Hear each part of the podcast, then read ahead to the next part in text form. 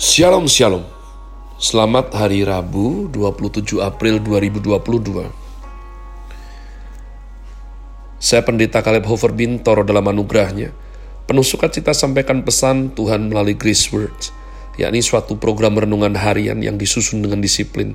Kami doakan dengan setia supaya makin dalam kita beroleh pengertian mengenai iman, pengharapan, dan kasih yang terkandung dalam Kristus Yesus Sungguh besar kerinduan saya bagi saudara sekalian, agar supaya kasih dan kuasa firman Tuhan setiap hari tiada pernah berhenti menjamah hati, menggarap pola pikir dan paling utama hidup kita boleh sungguh terbukti menuju Christ likeness. Berada dalam season summer dengan tema bulan ini Daylighting in King's Word. Grace Word hari ini saya berikan judul Yeremia Fatsalnya ke-41 Sebab demikianlah komitmen membaca kitab suci hingga habis. Hari ini mencapai Yeremia 41.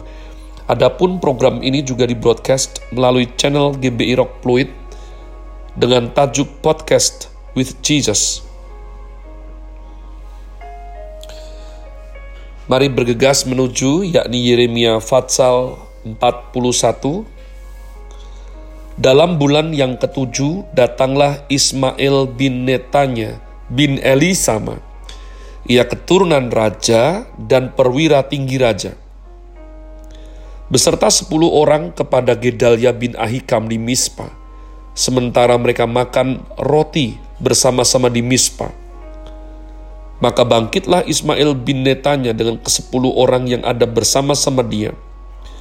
Lalu mereka memukul mati Gedalia bin Ahikam bin Safan dengan pedang Demikianlah Ismail membunuh dia yang telah diangkat Raja Babel atas negeri itu. Juga semua orang Yehuda yang ada bersama-sama dengan Gedalia di Mispa dan orang-orang Kasdim yakni prajurit yang terdapat di sana dipukul mati oleh Ismail. Esok harinya sesudah ia membunuh Gedalia, ketika itu belum ada yang tahu. Datanglah orang-orang dari Sikem dari Silo dan dari Samaria, 80 orang jumlahnya, yang janggutnya bercukur, pakaiannya koyak-koyak dan badannya bertoreh-toreh. Mereka membawa korban sajian dan kemenyan untuk dipersembahkan di rumah Tuhan. Lalu keluarlah Ismail bin Netanya dari Mispa untuk mendapatkan mereka sambil menangis ketika ia bertemu dengan mereka. Berkatalah ia kepada mereka, pergilah kepada Gedalia bin Ahikam. Tetapi ketika mereka sampai ke tengah-tengah kota itu, maka mereka disembelih oleh Ismail bin Netanya dengan dibantu oleh orang-orang yang bersama-sama dengan dia. Mayat-mayat mereka dicampakkan ke dalam perigi. Tetapi di antara mereka terdapat sepuluh orang yang berkata kepada Ismail, Janganlah bunuh kami, sebab kami masih mempunyai perbekalan tersembunyi di luar kota, yakni gandum, jelai, minyak, dan madu. Maka ia pun membiarkan mereka, tidak membunuhnya bersama-sama dengan rekan-rekan mereka.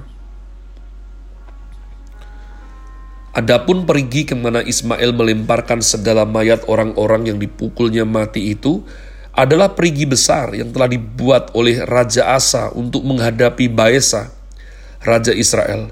Itulah yang diisi Ismail bin Netanya dengan mayat orang-orang yang mati terbunuh itu. Lalu Ismail mengangkut semua, maaf, Ismail mengangkut sebagai tawanan seluruh sisa-sisa rakyat yang ada di Mispa itu.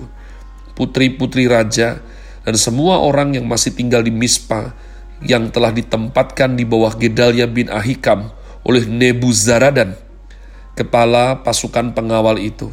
Ismail bin Netanya mengangkut mereka sebagai tawanan. Lalu ia berangkat untuk menyeberang ke daerah Bani Amon. Tetapi ketika Yohanan bin Kareah serta semua perwira tentara yang bersama-sama dengan dia mendengar tentang segala kejahatan yang telah dilakukan Ismail bin Netanya, maka mereka pun mengumpulkan semua anak buah mereka. Lalu mereka berangkat memerangi Ismail bin Netanya mereka bertemu dengan dia di telaga yang di Gibeon. Ketika seluruh rakyat yang bersama-sama dengan Ismail melihat Yohanan bin Karea serta semua perwira tentara yang bersama-sama dengan dia, maka bersukacitalah mereka. Semua orang yang diangkut sebagai tawanan oleh Ismail dari Mispa itu berbalik dan pergi mengikuti Yohanan bin Kareah. Tetapi Ismail bin Netanya beserta delapan orang terluput dari tangan Yohanan dan pergi ke daerah Bani Amon. Lalu Yohanan bin Kareah serta semua perwira tentara yang bersama-sama dengan dia mengumpulkan seluruh sisa-sisa rakyat yang diangkut sebagai tawanan oleh Ismail bin Netanya dari Mispa setelah ia memukul mati Gedalia bin Ahikam, yaitu laki-laki, prajurit-prajurit, perempuan, anak-anak, dan pegawai-pegawai istana yang dibawa kembali dari Gibeon. Kemudian mereka bermaks mereka berjalan terus dan berhenti di tempat penginapan milik Kimham dekat Bethlehem dengan maksud berjalan terus menuju Mesir untuk mengelakkan orang-orang Kasdim yang ditakuti mereka oleh karena Ismail bin Netanya telah memukul mati Gedalia bin Ahikam yang telah diangkat Raja Babel atas negeri itu. Umat Tuhan dari dulu sampai sekarang dalam situasi yang kacau balau dalam situasi yang sudah sulit, manusia dengan keserakahan dan kedagingannya terus mempersulit. Tidak mau tahu dan hanya memperjuangkan kedagingan masing-masing. Oleh karenanya saya berkata kepada anak-anak saya, semua orang yang Tuhan percayakan untuk hambanya ini gembalakan dan muridkan. Good is not enough jadi orang baik, kalau lemah itu percuma. Orang baik yang lemah pasti lari saat pertempuran. Orang baik yang lemah tidak bisa melindungi yang dicintainya. Baik itu satu perkara, baik itu sudah bagus. Artinya dia hidup jaga diri. Dia hidup tidak merugikan orang lain. Dia hidup tidak merepotkan orang lain dia tidak mengingini yang bukan miliknya sendiri. Tapi umat Tuhan, sebagaimana kita membeli insurance asuransi ataupun mengajarkan anak-anak kita naik motor dan mobil. Tidak hanya berbicara mengenai kita, ya, yang baik. Kita harus siap untuk mengantisipasi jika ada kecerobohan bukan dari kita, tapi dari orang lain. Seorang anak saya bersikeras berkata kepada orang tuanya, ya, bahwa dia cukup pandai untuk naik motor. Tapi kenyataannya dalam waktu satu bulan tiga kali jatuh. Oleh karenanya orang tuanya minta pertolongan saya untuk melarang anak tersebut yang memang relatif masih sangat muda untuk tidak naik motor lagi. Lalu dia beralibi beralasan, aku bagus kok naiknya. Orang lain itu loh, suka rem mendadak. Orang lain itu tiba-tiba curi jalanku. Orang lain dan selalu salahkan orang lain tidak bisa. Engkau harus melatih dirimu sedemikian rupa supaya tidak hanya engkau tidak salah, tapi engkau selalu siap siaga jika ada orang berbuat salah kepadamu. Jika ada orang menelikung jalanmu, jika ada orang yang mendadak berhenti di hadapanmu, engkau harus apa? Engkau harus tahu, engkau harus tahu apa? Kamu harus tahu harus ngapain. Gedalia bin Ahikam, orang baik, dia diperingatkan oleh Yohanan mengenai rencana pembunuhannya. Dia diperingatkan dua kali. Dia berkata, "Tidak, itu perasaanmu saja." Diperingatkan, bahkan dia tidak berjaga-jaga. Dia sungguh percaya kalau Ismail itu baik. Bahkan dia menawarkan roti untuk makan bersama. Gedalia bin Ahikam orang baik. Tapi orang baik ini dibunuh oleh Ismail bin Netanya. Tidak hanya dia yang dibunuh, seluruh pengikut Gedalia bin Ahikam disembelih semua.